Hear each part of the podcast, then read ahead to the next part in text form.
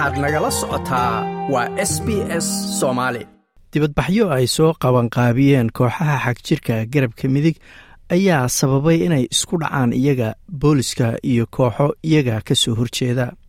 Kooxaha garabka midig ayaa dibadbaxan uga soo horjeeday dadka soo galootiga iyo qaxootiga waxaana uu ka dhacay magaalada melbourne. Iyadoo rabshadu socotay ayaa la arkayay rag ku labisan dhar madmadow oo salaantii naadsiyiinta taagaya falkaas oo dhalisay baaqyo lagu doonayo in kooxaha xagjirka oo noocan oo kalea lagu tilmaamo ama lagu asteeyo inay yihiin kooxo argagixiso ah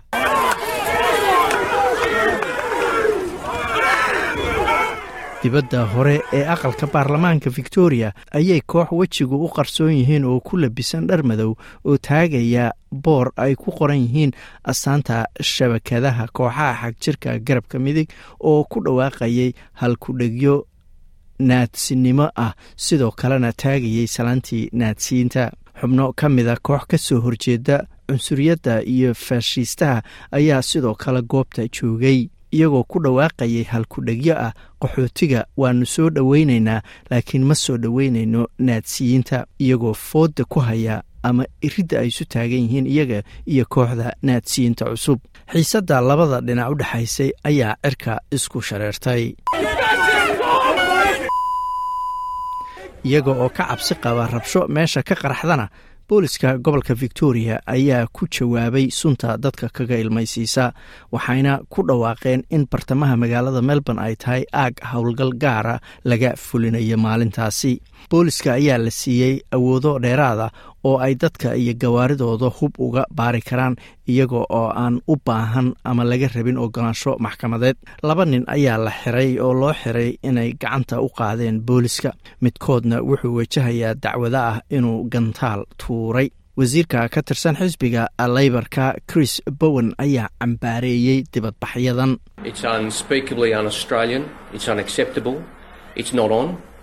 waa wax aan erey lagu soo koobi karin waa waxaan la aqbali karin.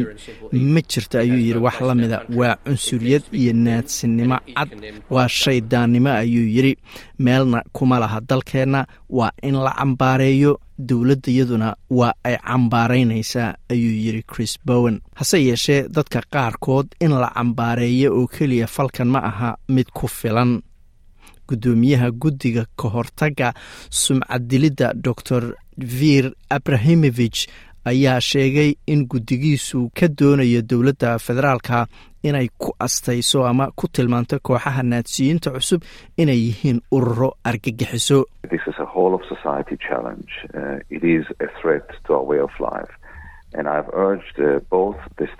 arrintani waa caqabad bulshada oo dhan u taalla waa mid khatar ku ah qaab nololeedkeenna waxaana ku boorinayaa dowladaha gobollada iyo tan federaalka inay eegaan buunbuuninta fikradaha naadsiyiinta.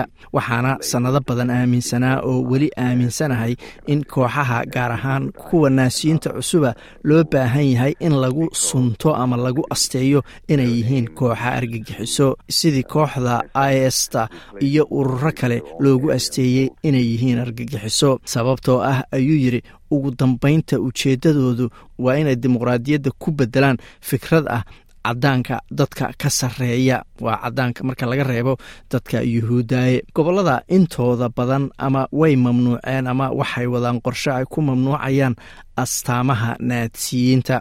Astaamaha meelaha qaar waxaa ku jira salaanta ay gacanta kor u qaadaan naadsiyiintu. Victoria ayaa astaamaha naadsiyiinta ka mamnuucday goobaha dadweynaha waxayna wadaa inay ku darto astaamahaasi salaanta naadsiyiinta. Dor abrahimovich ayaa sheegay in dowladaha looga baahan yahay inay khatarta naadsiyiinta si dhab ah ula xaalaan oo ay u dareemaan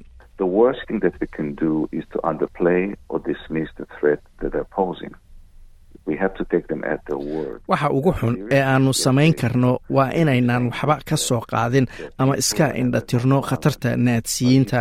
Waa inaannu hadalkooda dhab ahaan u qaadanno. Waa ka dhab waxa ay leeyihiin. Haa waannu ognahay inay dhahaan waxaannu nahay dad nabadeed oo aan rabsho wadin. Laakiin taariikhda ayaana baraysa in meesha ay caddaankaasi isla weyn ay ku kulmaan. Inta badan ay ka dambayso ama daba socoto rabsho ama gacanka hadal ayuu yidhi. Ma doonaysaa sheekooyinkan oo kale?